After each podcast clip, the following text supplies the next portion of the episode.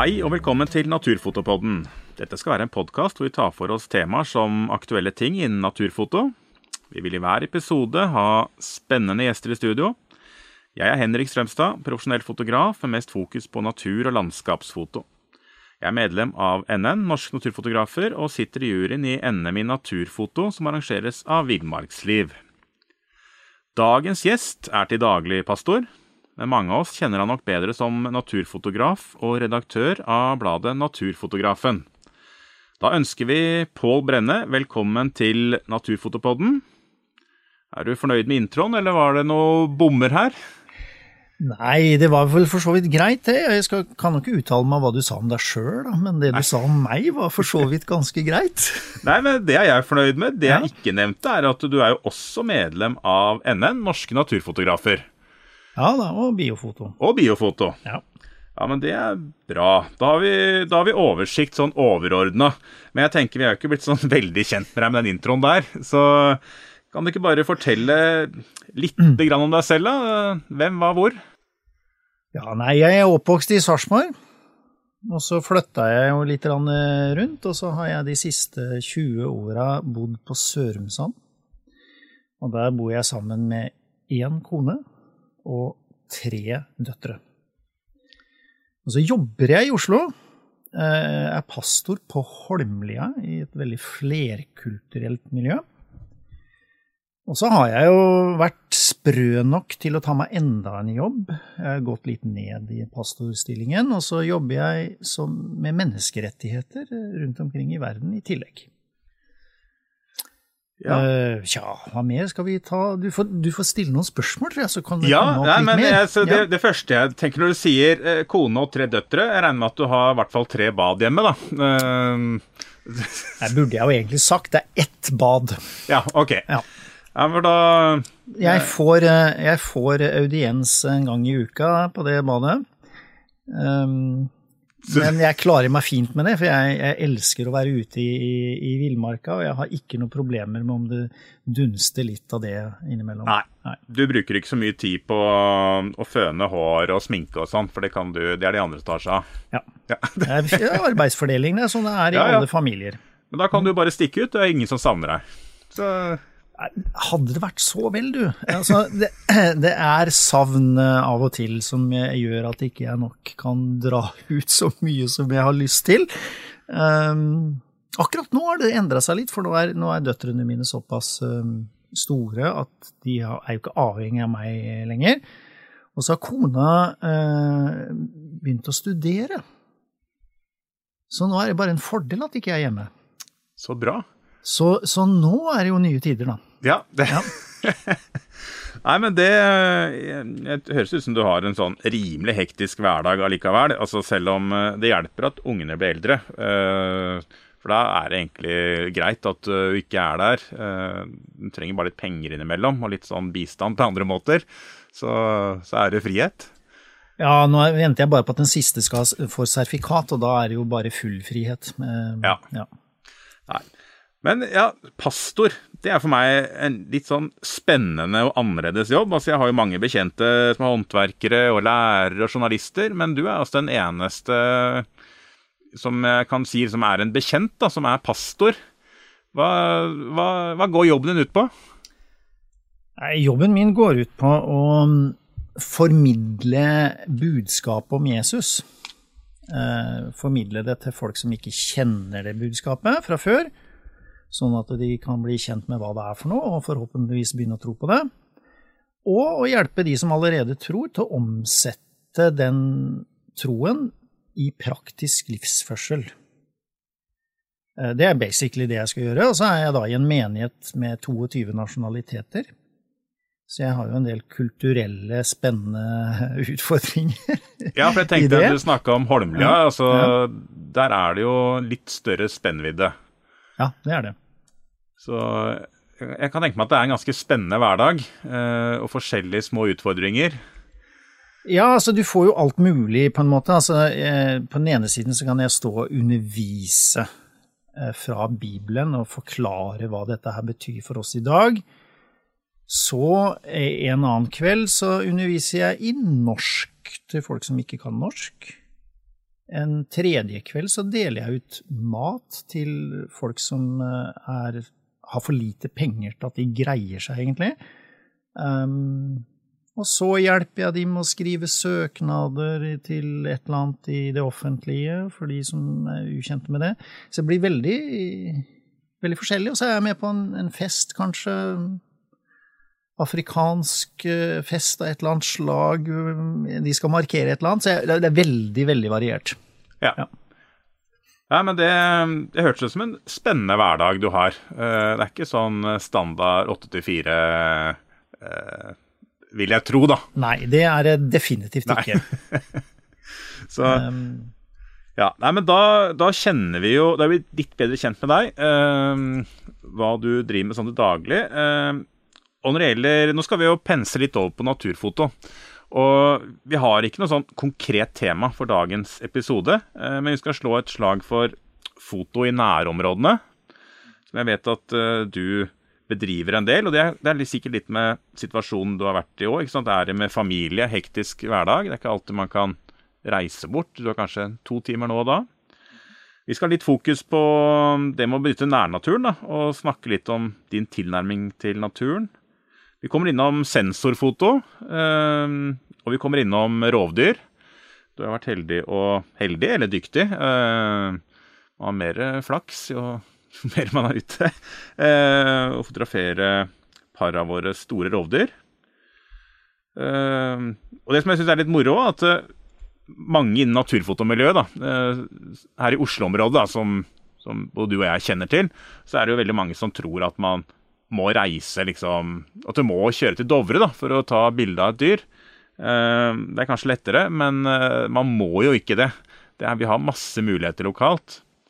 Og Noe annet som er litt morsomt, er at eh, som du nevnt, så bor jo du på Sørumsand, og jeg bor i Fettsund. Og det er jo to nabobygder øst for Glomma, øst for Oslo.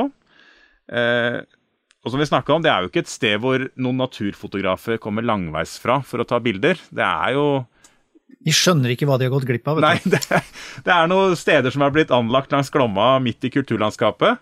Men det er jo masse små perler i det området også. Mm. Men man bruker litt grann tid, da. Men kan vi ikke ta, som jeg nevnte, du har fotografert både ulv og gaupe i din egen bakgård. Mm. Det er ganske imponerende. Fortell, åssen har du fått til det? Vi kan begynne da med min gode venn Øystein Søby. Vi har samarbeida litt om um, både orrfuglfotografering og tiur og sånt noe. Og for noen år siden så ringer han meg. Vi hadde en myr da som vi uh, hadde fotografert orrfugl på, på Leiken i april. Og så ringer han meg en eh, kveld, og så sier han eh, Har du tenkt deg ut i, i kveld? Eh, for hvis du har tenkt deg ut, så drar ikke jeg ut. For vi hadde ett telt stående der, da. Så sier han nei, i dag går jeg ikke, jeg drakk ut i kveld, sier jeg. Jeg, jeg tenker jeg skal prøve meg på Beveren i morgen tidlig ved Glomma, så, jeg, så det er greit, du kan ta teltet. Og da, når jeg da klokka kvart over fem eller halv seks er ute og fotograferer bever, så kommer det en tekstmelding på min mobiltelefon fra Øystein med bilde av en ulv fra Ormyra. Um, jeg trodde han tulla, men det var jo ikke tull, det var jo et bilde han fikk på den uh, leiken. Og da visste jeg jo at uh, det er muligheter at det kan av og til være ulv i området. Eh, unna han absolutt å få det bildet, så, så jeg var faktisk ikke eh, misunnelig på noen negativ måte. Jeg syntes bare det var fantastisk gøy. Jeg, jeg gleder meg om at det er mulig å se ulv i vårt nærmiljø. Det er jo fantastisk! Og så håpa jeg at jeg skulle få muligheten nå. Og for er det, to, det er to år siden nå, ja, det er to år siden, under pandemien, så blei det jo sånn at jeg kunne ikke ha noe særlig møter i Oslo. Og, så da gikk jeg mye i skauen. Og så er det en dag det, hvor det snødde litt på morgenen, og det slutta å snø eh, rett før jeg går inn i skauen, altså snakk om et par minutter før, og så ser jeg spor. Men dette her er skogene rett ved der du bor? Ja, ja, ja. Ja. ja. Rett ved, ikke langt fra Sørumsand. Nei. Jeg vil ikke, vil ikke spesifisere Nei, nei. det mer enn det, men, Men, men, eh, eh, men du kommer deg fint Ja. dit fra Sørumsand, Ja. for å si det sånn, Ja. da. Så kan du sette i passeren, og så kan du bare prøve å finne ut hvor det er. Um, jo, nei, så så jeg det, det var jo ulvespor. Og på grunn av eh, og, eh, og de gikk ned til den eh, stien, og, det, eh, og på den spora som gikk ned til stien, lå det snø oppi, og spora som gikk fra stien, var det ikke snø i. Og det hadde slutta å snø noen minutter før jeg kom, så jeg så at dette her var jo superferskt. Eh, og da ble jeg jo meget dyr, for å si det mildt. Ja, det kan jeg tenke meg. Jeg tenkte at nå er det ulv her, jeg er jo nødt til å få tatt bilder av den! Så jeg kontakta et par grunneiere, og fikk tillatelse til å sette opp sensorkameraer. Eh, og jeg hadde jo drevet med det noen år, da, så jeg hadde litt kameraer, eh, gamle speilreflekser som jeg hadde hacka litt forskjellige eh, alarmer med, og, og kobla til, da, sånn at de kunne løse ut når noe bevega seg foran kamera. Jeg hadde ti sånne, som jeg da satt ut i området. Jeg kikka på kartet og tenkte hvor er det sannsynlig at en ulv vil gå? Jeg la aldri ut noe åte, det gjorde jeg ikke. Så dette begynte jeg med i, januar, og så var jeg oppe og sjekka disse kameraene hele tiden. Det jeg fikk ut av de månedene der, var eh, at jeg ble i mye bedre form. Fordi jeg måtte jo gå opp og ned, det var jo ikke flatmark hele veien heller. Jeg fikk ikke ett eneste bilde. Altså, det ble eh, ett kamera løst ut eh, to ganger, og det var en familie på tur. Eh, Men så skjer det noe. Og det var at jeg, skal hjem. Jeg har vært ute på morgenen, og så skal jeg hjem igjen. Og av en eller annen grunn, vet du, så har jeg Vanligvis når jeg gikk ute, så hadde jeg jo kamera med meg, men det var ikke så ofte jeg hadde det over skulderen. Men den dagen her hadde jeg det over skulderen. Og plutselig så ser jeg hodet på en ulv. Og jeg, jeg, jeg, jeg skvatt sånn til. altså Det var, det var, var kort foran meg òg. Det, var- det er snakk om 10-12 meter. Såpass, ja. Ja, et eller annet der omkring. Vanligvis når man, eh, når man forteller en historie, ikke sant, en fiskehistorie og sånt, så blir det kortere eller lenger for hver gang du har fortalt Ja, ja, det, så jeg, må si jeg begynner å bli litt utrygg på akkurat antall meter her. Ja, Men det var veldig nærme. Dømmekraften og en sånn situasjon er jo ikke. Altså, man er jo eh, Det er ikke lett å bedømme det. Nei, det er ikke det. Og jeg ble, jeg ble jo helt sjokka og tenkte nå har det klikka for deg, tenkte jeg. Hva søren, nå har du vært så opptatt av denne ulven, du har gått opp og ned her hver dag i tre måneder, så nå bare begynner du å se ting. Og så går jeg et par skritt til, og så ser jeg ulven. Da ser jeg han løper bak en sånn eh, tett eh, klynge med gran. Og det, det, min første reaksjon er at jeg, at jeg liksom slapper av i kroppen og, og puster ut og tenker jeg har ikke blitt gal. Det er deilig å få en sånn bekreftelse Ja, ja, noen ganger, ikke sant?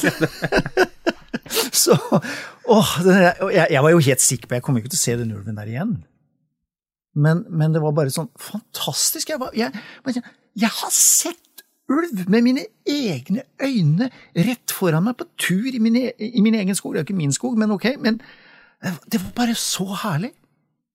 Og så går det eh, noen sekunder, altså igjen, eh, tid er borte for, vekk for meg der, men jeg går noen meter til, da.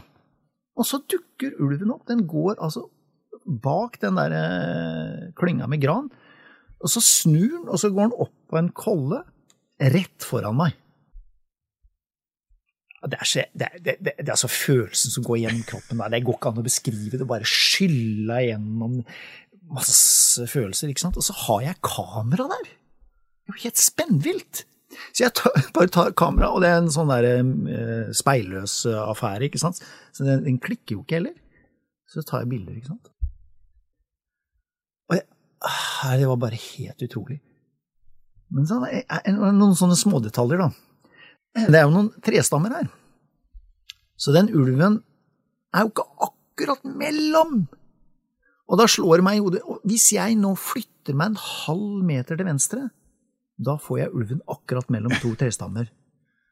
Men hvis jeg nå flytter meg en halv meter, da ser den meg, og da stikker den. Og det var sånn der, hva gjør jeg nå? Har du vært i en sånn situasjon, Henrik? Ja, ja, altså, ja, altså jeg, ikke med ulv, men med andre dyr. ja, hva, hva, gjør jeg nå? Det... Som jeg, jeg, jeg, er jo pastor, selvfølgelig, så ba jeg til Gud. Kjære Gud! Ja. Det, var, det, var, jo instant med en gang, selvfølgelig. Og så flytter jeg meg en halv meter, og ulven ser meg selvfølgelig. Og den da ser rett på meg. Og jeg får hele ulven mellom to trær, og klikk, klikk, klikk, klikk, klikk. klikk. Og jeg var jo i en lykkerus av en annen verden, altså. Og jeg, jeg, jeg var, var, helt der, og den står og ser på meg, og så, og så, og så forsvinner den bak den kollen. Kommer jeg hjem, og så ringer jeg en kamerat, og jeg, jeg er jo helt i ekstase. Og jeg husker jo det jeg fortalte han om den opplevelsen. Altså, vet du hva, det var, det var helt vilt! Jeg står og ser på den ulven, og den ser på meg. Og jeg tror vi sto og så på hverandre i kanskje fire–fem sekunder, sier jeg. Og så får jeg bildene opp i Lightroom, ikke sant? Og så, og så, Oi, det var jo 160 bilder. Og så ser jeg da første bilde og siste bilde, og det er 1 minutt og 28 sekunder som vi står og ser på ja. hverandre. Nei, det var, det var helt vilt. Altså Empatia stopper jo opp i sånne ja, ja, situasjoner. Det, sant? du har ikke, du har ikke begrep om tid. Altså, du nei. sier om det er fem sekunder eller fem minutter. Altså, det er, eh, etterpå så er det helt borte, liksom. Altså, ja, nei, det, det må, jeg, må, jeg, si. Det er, det, er, det er, en, det er den mest eh, Det er den flotteste naturopplevelsen jeg har hatt. Det der. Det var helt fantastisk. Og så fikk jeg jo muligheten da, etter det der, eh, måtte jo prøve å få flere bilder. Og det lyktes, da, eh, en morgen på en myr, en or, orrmyr. Um, uh, og det Jeg fikk noen veldig bra bilder der. Uh, også.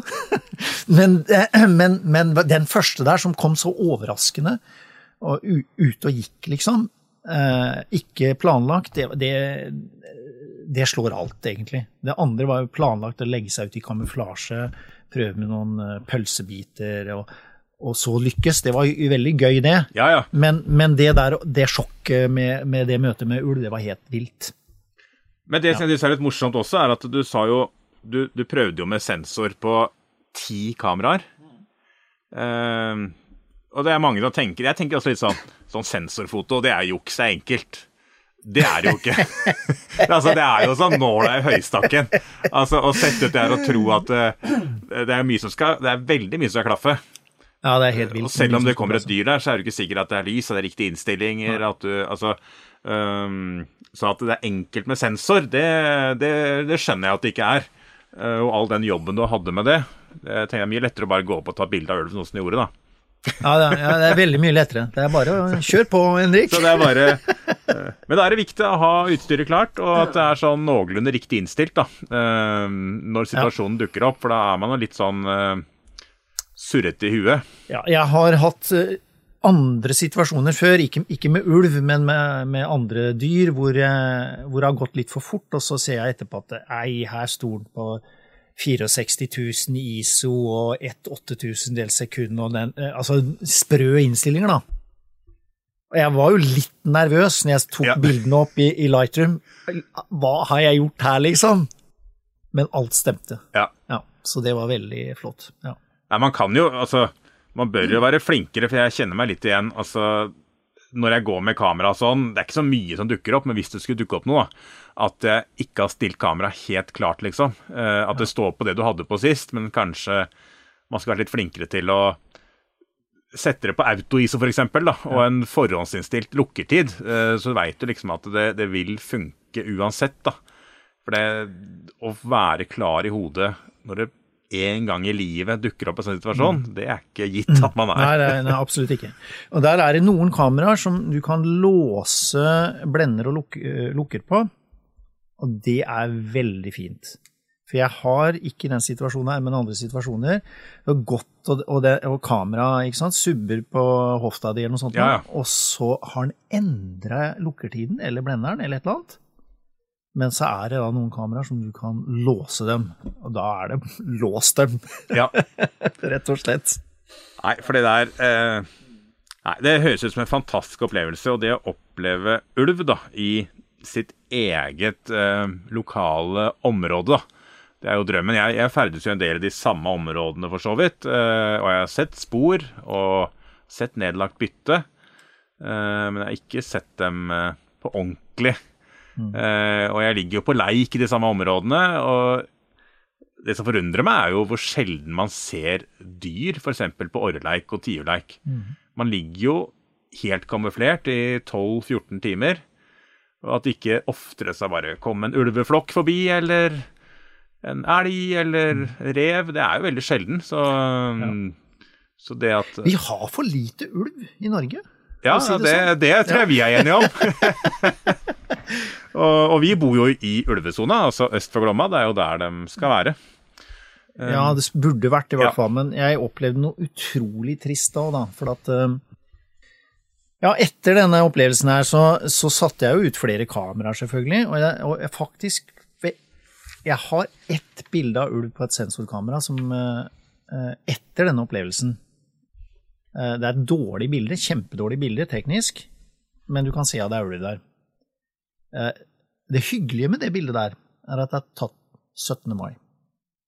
Så jeg, jeg har et forhold til det likevel. Dette er sånn det skal være på vår nasjonaldag. Da skal man kunne se ulv, mener jeg da. Eh, jeg hører til i Norge. Frihet for ulven.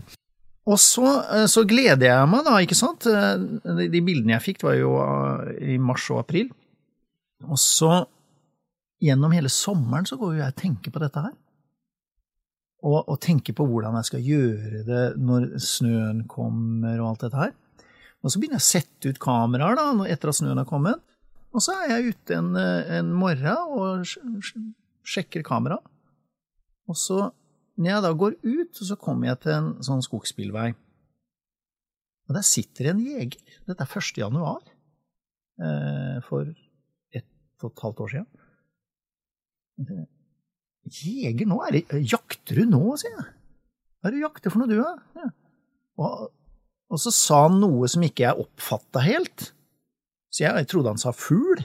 Ja, hva slags fugl er det du jakter på nå, sier jeg. Nei, det er ikke fugl, det er ulv, sa han. Og jeg bare kjente Det bare søkk inni meg, altså. Det er liksom Den følelsen Jakter du ulv?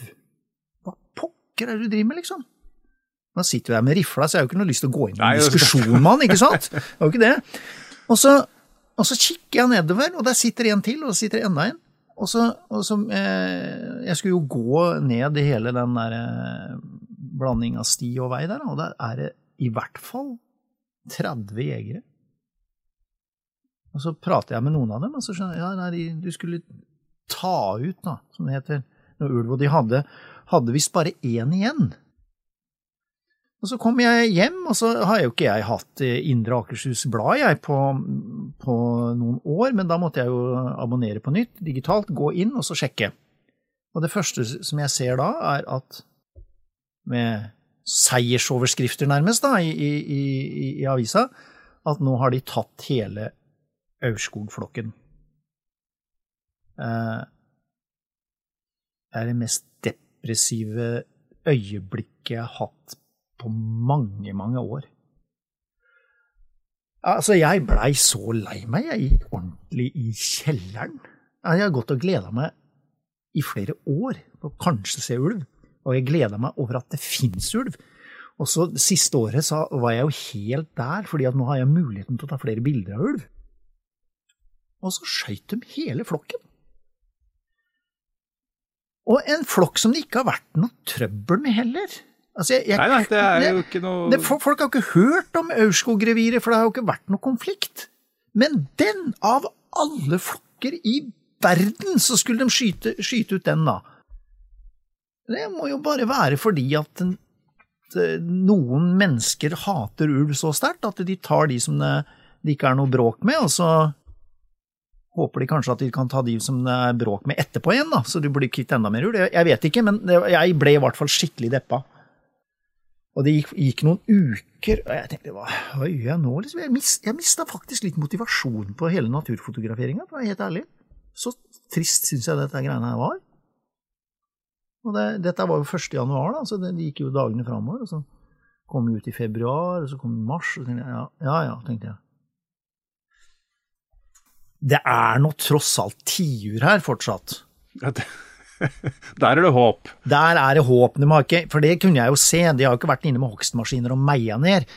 Den risikoen har vi jo også, ikke sant? Ja, ja. At, at, de meier ned eh, leveområdene til, til storfuglen. Men ok. Og jeg hadde drevet med sånn sensorgreier på tiurleik før, så jeg tenkte ok, jeg får gå opp, og så setter jeg kamera der. Det er en sånn stein som jeg hadde hatt veldig suksess med tidligere, flere ganger faktisk, hvor tiuren kom akkurat på den steinen og ble et veldig fint bilde. Så jeg stiller opp dette her. Og dette er et sånt område med litt sånn uh, spredd furuskog og Typisk tiurleik. Sånn som man ser på sånne perfekte tiurbilder på leik. litt sånn. Ja, i vårt område så finnes det jo knapt perfekte områder, for alt er jo hogd. Ja. Sånn at det er, blir jo en eh, Så har det vokst opp litt igjen, altså og litt buskas og sånt, men, men, jeg hadde funnet en veldig en ålreit stein, da. Uh, med en brukbar bakgrunn, og, og, hvor sjansen Jeg visste jo, jeg hadde jo noen bilder der fra før. Uh, så jeg håpa på tiuren der, da.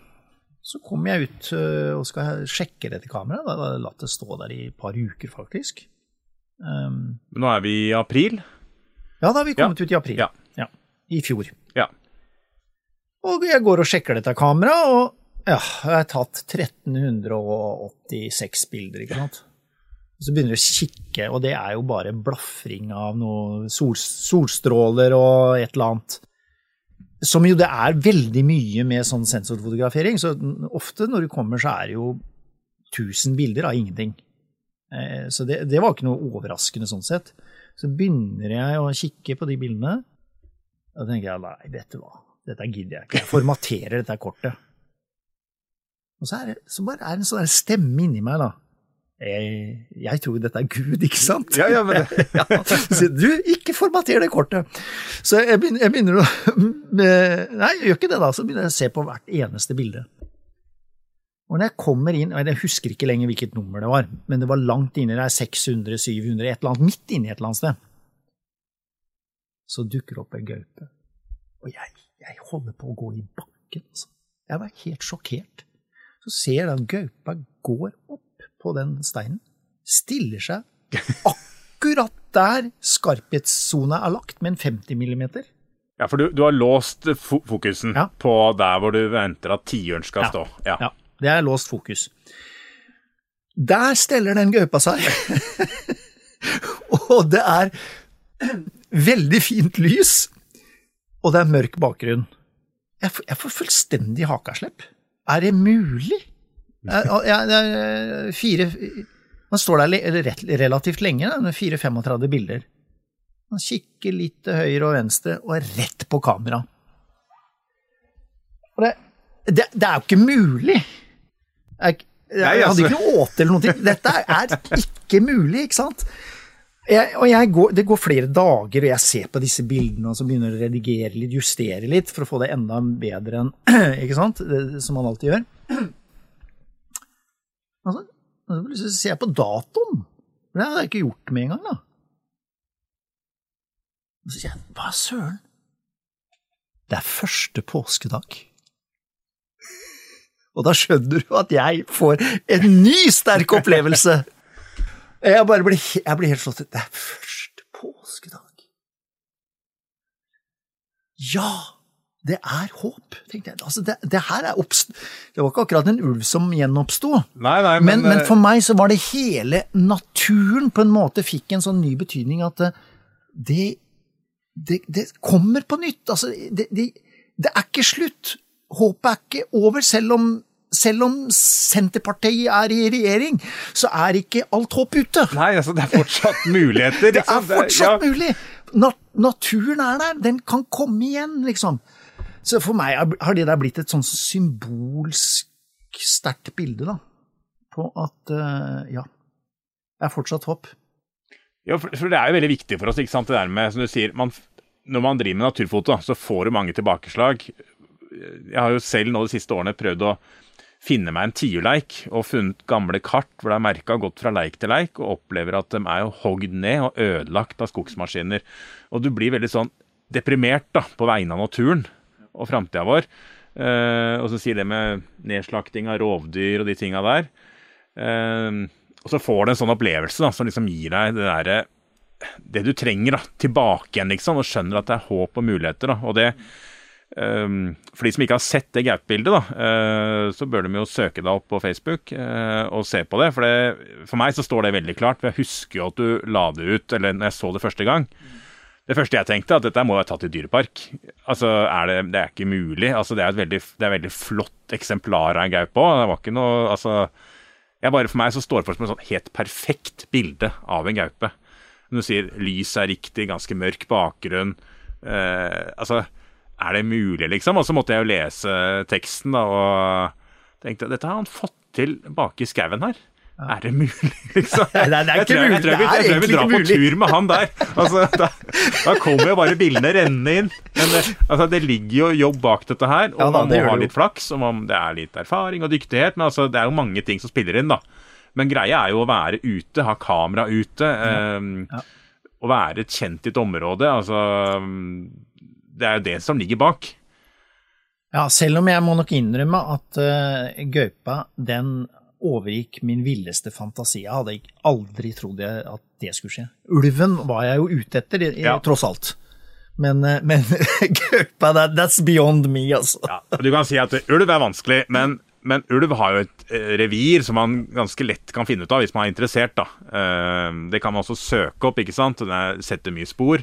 En gaupe, det er, det er jo enda et par nivåer, tenker jeg. Det er vanskeligere. altså en svær katt som smyger seg rundt. Eh, den eh, Du ser aldri en gaupe tilfeldig. Altså, og det gjør du med ulv innimellom. Altså, du, kan, du, hører jo stadig, i hvert fall hvis du ser i lokalavisa, så folk som har kjørt på jobb og tatt bilde av en ulv eh, i de områdene vi bor, da. Det er ikke helt uvanlig.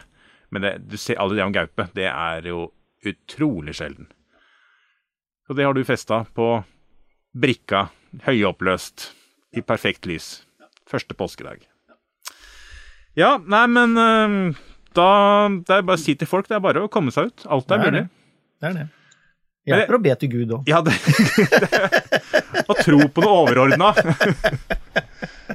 men for de som tenker at uh, jeg, jeg, Ulv og gaupe, det klarer jeg ikke. Men så har du også noen andre bilder som jeg har lagt merke til. Jeg, jeg sa jo da litt sånn fårete at vi bor jo langs med Glomma i et kulturlandskap. Litt sånn kjedelig. Det er, det er jo masse muligheter. Og, og, Glomma er jo eh, Der er det potensialet. For det, eh, Glomma går jo åpen om vinteren. Det er mye frostrøyk, eh, fin stemning.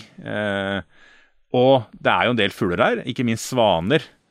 Og du har jo noen svanebilder ifra Glomma ved, ved Bingen lenser, som jeg også sitter fast i, i mitt minne, da. Uh, og der tenker jeg det med nærfoto, altså det der med å ha nærhet til motivene, gir deg mulighet til å få motivene i det flotteste lyset. Ja, helt klart. Nei, det er jo uh, uh, sånn sammenheng der også. Jeg, eh, jeg bruker jo foto som type reak rekreasjon også. Jeg, jeg, av og til så jobber jeg med ganske Eller ikke av og til, nå jobber jeg veldig mye med tøffe ting som er vondt følelsesmessig å jobbe med. Og da, da, da må jeg, jeg må ha noen brekk eh, fra det, og liksom eh, bare kose meg i naturen og oppleve estetisk fine ting og sånn. Og jeg har ikke så mye tid til det. Men jeg, jeg kan ta noen sånne eh, pauser. Og, og, eh, så, og, det gjør jeg. Eh, ikke sant? Jeg har mye hjemmekontor, og, og da kan jeg kikke ut av vinduet og så ser jeg når det er bra lys. Særlig på vinteren så er det jo ofte bare grøten oppe hos oss. Bare tåke, og det er ikke mulig å få gjort noen ting. Men, men, når du har den grøten, så hender det jo at lyset går gjennom, og da får du de flotteste tingene du kan tenke deg. Du får sånn Jesuslys, ikke sant? Ja, ja. Og, og nydelige strålinger og, og spotlights og hele pakka. Eh, og, og når jeg da kan sitte i, og kikke ut av vinduet og se at nå er forholda fine, da gjelder det å, å ta den pausa da. Ja. Eh, og for eksempel et av de bildene jeg har som jeg er veldig glad i, det kom eh, etter ti år, faktisk. Altså, jeg så for meg det bildet. En gang jeg var nede ved Glomma, så så jeg en sånn lysstripe. Og den var bare så vakker, så tenkte jeg åh, tenk om jeg kunne få svanen i den stripa der. med frostrøk og med rimfrost på trærne bak. Ja, så det er jo ganske mange ting som skal klaffe for å få til det der. Altså, det ene er at du må ha kuldeperiode, ellers så får du ikke noe rimfrost. Eh, og så må det ikke være overskya på det tidspunktet sola står der hvor du får den stripa. Og da har du allerede der begrensa dette her til eh, noen få dager eh, tredje hvert år, ikke sant? Og så var det da en, en dag jeg ser at nå altså jeg, Så jeg dro dit mange ganger, jeg gjorde det når jeg så at nå er muligheten her, kanskje, og så kommer jeg dit, og så og, Nei, det var en sky der, ikke sant? Nei, sorry, det var ikke noen svaner der. Den type ting. Så Men etter ti år etter at jeg så for meg det bildet der, så klaffa absolutt alle tingene. Uh, nei, det, så det bildet er, er jeg spesielt glad i. En, en, rad med svaner med lys på, og det er bare der det er lys. Og så er det frostrøk og rimfrost på trærne bak. Det er, det er Jeg syns det er nydelig. Ja, ja. Nei, men det og, Rett og slett. Ja, For det, det er så viktig, det med at eh, når vi fotograferer nærmiljø, at man har sine spotter, plasser, hvor man kan dra til når lys spesielt. For jeg kjenner noen som liksom ikke tenker at nei, men jeg kan ikke dra, så jeg veit ikke hvor jeg skal dra. Ja, men dra ut i all slags vær og lys, og så finner du Her var det veldig fint. Her er det en fin forgrunn for noe, eller en bakgrunn. Der kan det være. Og så dra tilbake til det stedet gang på gang på gang på gang. Mm. Mm. Uh, for hvis det er flott der, ikke sant, sånn at du har Du vet Du har sett deg for det, det, det, motivet, da. Og så plutselig så klaffer det jo. Altså, det gjør det før eller siden. Altså ja. um, hvis ikke du forventer at det skal komme en sjiraff uh, der, for det kan du ikke vente. Men altså uh, Sånn som i områdene vi bor, da, på, her øst for Oslo, altså sånn som type svaner eller rådyr eller elg eller sånne ting. Mm. det er det jo en del av. Altså, det er bare på en måte sette seg noen mål, og så er det tett på der du bor, at du kan dra ut akkurat Jeg har jobba litt sånn som med, med lyn, altså mm. å ta bilde i uvær. Og da, da hjelper ikke når det tordenværet kommer, da, at du da skal finne ut hvor du skal stå. Da må du bare komme deg til den plassen. Du tenker at her er det fint, og så håper jeg at eh, jeg skal få lyn innafor det området hvor jeg da steller meg opp, ikke sant. Og da bommer det jo mange ganger. Eh, men da, når det først klaffer, så får du et fint bilde, da. Ja. Fordi at ja. Eh, liksom alt annet er til rette rundt der. da. Det miljøet er det riktige. Mm. Så jeg tenker at bare folk kommer seg ut. Finn deg noen fine områder der du bor, som du da kan oppsøke i forskjellige værforhold, mm. lys forskjellige tider av året. Men, men man må liksom finne, vite om de stedene. For når det er fint, så er det liksom for seint. Eh, ja, hvis du ikke da veit hvor du skal gå en dag. Ja, helt riktig. Mm. Eh, for det er snakk om minutter eller sekunder eller Ja. Mm. Så. Ja men jeg syns det er veldig spennende å høre at uh, En ting er det klart med rovdyrene, det er jo helt fantastisk. Og jeg drømmer om det. Kanskje jeg aldri får oppleve det, men kanskje jeg plutselig opplever det også. Det veit man jo aldri. Uh, men svanene, det kan du alle jobbe med. Eller altså de artene du har i nærheten av der du bor, da. Ja. ja men da tenkte jeg vi skulle bare gå litt over. Altså, du er jo en mann med mange jern i ilden. Altså familie, jobb. Eh, driver med naturfoto for din egen del. Og så er du jo ganske så aktiv medlem i Biofoto. Og der har du også tatt på deg da mm, rollen som eh, redaktør for et veldig flott medlemsblad vi har i Biofoto, som er Naturfotografen kommer ut med fire nummer i året, er det ikke det? Mm -hmm. Jo. Eh, tjukt blad, glansa papir. Vel, jeg synes det er veldig spennende å få Naturfotografen, fordi der får du jo folk som ikke er kjente alltid, da. altså veldig mange ukjente naturfotografer, mm. eh, til å levere bilder og stoff eh, av høy kvalitet. Da ser man liksom hvilket nivå det er på. Altså hvor mange flinke det er som også jobber lokalt. Det syns jeg er veldig spennende. Men jeg tenker, åssen i all verden får du tid til å drive med å være redaktør i tillegg, da? altså, hvor, hvor får du tida fra? Sover du ikke, eller? Spør du meg, så spør jeg deg. Altså, jeg, jeg Nei, altså, jeg, det var jo i ferd med å forsvinne hele bladet. Uh, og jeg hadde aldri gjort noe sånt noe før, men jeg, jeg tok den oppgaven fordi jeg ville ikke at bladet skulle forsvinne. Uh, for det er ti år siden nå, vel. Og uh, jeg fant ut at jeg kan få det til hvis eh, Jeg må, måtte jo lære meg litt, da, men, men, men hvis, jeg kan, hvis jeg gjør det helt alene Hvis jeg har en redaksjonskomité, da kommer det ikke til å gå. Fordi da må vi finne et tidspunkt hvor vi kan møtes og diskutere og sånn, og det kommer jeg ikke til å greie. Jeg er nødt til å gjøre det når jeg har tid, sjøl. Og de tidspunktene, de er i hytt og vær. Og når jeg har fire utgaver i, i året, så må jeg begynne med en gang jeg har levert igjen, så begynner jeg, og så tar jeg litt, og så tar jeg litt, og så Så jeg gjør det da litt innimellom. Noen ganger en morgen, noen ganger en kveld, noen ganger midt på dagen. Så gjør jeg lite grann, da. Eh, Sånn at jeg gjør det innimellom alt mulig annet. Ja. Og det er sånn jeg kan få det til. Ja. ja. Nei, men det, det er jo et veldig flott blad, og jeg tenker eh, for de som eh, ikke er medlem Altså, dette er jo et medlemsblad for biofoto. Ja. Eh, så jeg tenker at det eh, det verdt medlemskap i seg selv er jo å få Naturfotografen. Det er jo et høydepunkt hver gang det kommer, syns jeg. Eh, så Det er utrolig spennende. Eh, og terskelen er jo ikke så høy her, her kan eh, medlemmene altså levere og få ting på trykk i et veldig flott blad. Ja. Eh, og man kan lese om andre som driver med sine små rare prosjekter, eller store prosjekter, eller har fått sitt livs bilde, eller eh, masse, da. eh, Av forskjellige fotografer. Så det, mm, det anbefales hvis man ikke er medlem av Biofoto. Prøv et år og få naturfotografen rett i postkassa fire ganger i året. Så tenker jeg at eh, man kanskje har lyst til å bli medlem videre. Ja. ja. Ellers er jo, vi snakker om Biofoto. altså Biofoto er jo Norges største forening for naturfotografer. Jeg vet ikke helt medlemstallet nå, men vi har vel en syv-åtte lokallag rundt i Norge òg. Og mm, på Østlandet så har vi jo møter én gang i måneden. Um, som, som vi har foredragsholdere og kveldskonkurranser og et eh, aktivt naturfotomiljø. Mm. Og det er i lokalene til den kirka jeg er pastor i. Ja, faktisk. Veldig fine Ja. lokaler.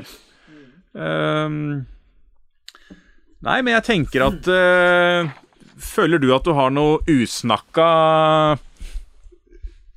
Ja, altså, ehm, jeg tenker at ehm, eh, hvorfor, de, hvorfor skal man ta bilder i det hele tatt? Eh, For meg så er det jo å, å ha en opplevelse av å se noe vakkert, og kunne uttrykke noe vakkert. Og, eh, og nærmiljø er egentlig det beste stedet, fordi at jeg, jeg lærer meg å se. Hvis du drar til sånn derre Runde, Dovre, Finnmark, Vestlandet, alle de der fine stedene, eller Afrika for den del, så bare hvelver det inn over deg, og du lærer deg ikke, tror jeg, på samme måten til å verdsette småting og Jeg føler jeg blir eh, Jeg lærer meg til å bli glad i små ting ved å bruke nærmiljøet. Det stedet jeg fotograferer aller mest, er et buskas bak ungdomsskolen på Sørumsand. Ja. Det, Det er et fantastisk sted. Det er ingen andre som har sett at det er et fantastisk, fantastisk sted, men hva, de har gått glipp av mye, skal jeg si deg. For der er det sånn masse små greier som du kan se, og så ser du noen linjer der, så ser du en liten blomst der, noen blader der, og kommer lyset der, og det er fantastisk. Og så får du den derre begeistringen over å se noe som er nær deg sjøl, som du før bare gikk forbi. Fordi du er ute etter å få tatt et bilde, og da oppdager du ting. Eh, eh, Så det er- Skal jeg propagandere for noe, Ja, det- så er det det å ta med seg kamera og forsøke å se noe vakkert og formidle noe vakkert fra et sted nær deg som du i utgangspunktet ikke tenkte det var noen ting. For du, du lærer deg til å se, og så får du den derre Kan i hvert fall få den derre gode opplevelsen av at oi, nå har jeg sett noe vakkert, noe fint, jeg har skapt noe vakkert og fint. Jeg burde ikke dra, dra et sted, jeg har ikke brukt noe CO2 eller noe Og det var her. Ja, nei, men altså jeg, jeg, kjenner meg igjen. Altså jeg, altså jeg, får aldri en større glede enn at når jeg finner fine motiver i nærheten der jeg bor. Altså når jeg går Jeg har aldri angra på en tur jeg har gått ut hjemme hos meg selv da, med kamera. Det er ikke alltid jeg får noen bilder, men jeg finner alltid noe nytt jeg tenker at her skal jeg tilbake til. Altså her mm. eh, Så jeg kan gjerne gå ut selv om det ikke er noe spennende lys. Altså, jeg har ikke noe å si. Det er bare Nå må jeg ut en tur. Så går jeg ut. Jeg har ofte med meg kamera. og så bare Wow, her kan det bli fint. Hvis det blir litt mer vann i den bekken her, sånn, så får jeg hvitveis foran der. Det er et kjempemotiv, ikke sant. Og så går jeg tilbake igjen. Det jeg tenker Hver eneste tur jeg er ute òg, og så tenker jeg at jeg, lærer litt hver gang. Jeg utvikler liksom blikket mitt. da. Ja. Uh, som jeg også ha med meg de gangene jeg reiser bort. Uh, så ser jeg jo uh, Jeg husker en gang jeg reiste opp til Nord-Norge og traff en fotograf som bor Jeg skal ikke nevne akkurat hvor, da, men et sted hvor det er veldig fint. da. Det, det, blir fine bilder uansett hvor du stopper bilen. Så kan du stå ved autovernet og ta bilder, så blir det fint. Men så husker jeg, er jo vant til å lete etter en forgrunn hele tiden. Altså Skal du ta bilde i området vi bor, da, mm. så blir Det er jo ingen fjell. Det er ingenting. Det er en kornåker. Så jeg krabber og leiter. Så så hver gang vi stoppa bilen, da, så var jeg ut og ned i fjæresteinen. Og, så han kalte meg jo Steinmannen, da. For at eh, jeg er så vant til å måtte lete etter motivene, da. Ja. Uh, og ikke bare Men så, så, vi er liksom, tenker jeg Vi bor i et område som kanskje sånn første øyekast kan se litt sånn kjedelig ut, så du må liksom jobbe litt for motivene. Men vi lærer oss å se, da. Det blir vi gode på. Ja, ja. Altså å, å lete. Uh, og det er en viktig egenskap da, når du driver med naturfoto. Uh, og også da glede deg over de små tingene. da.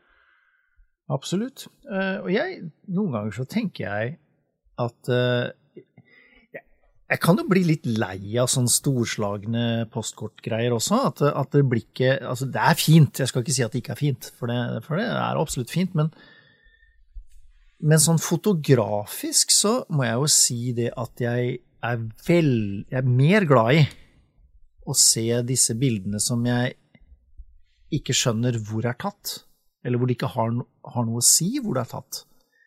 Men det er noen detaljer, det er noen uh, sånn smånærmiljø, eller intimt landskap, som ja. det heter, uh, og, som kunne vært hvor som helst.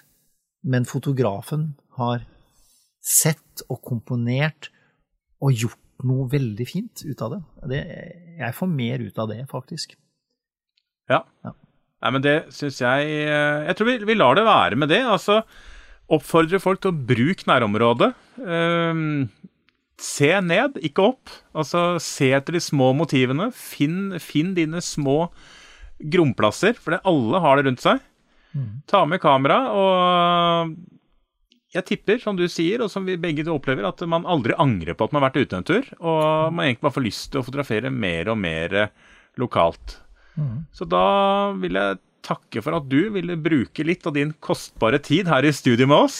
Bare koselig det, altså. Og gleder meg til å følge med til eh, neste ville rovdyrbilde som kommer fra Pål Brenne. Da gleder jeg meg til òg. ja ja. Nei, men takk for i dag. Ja.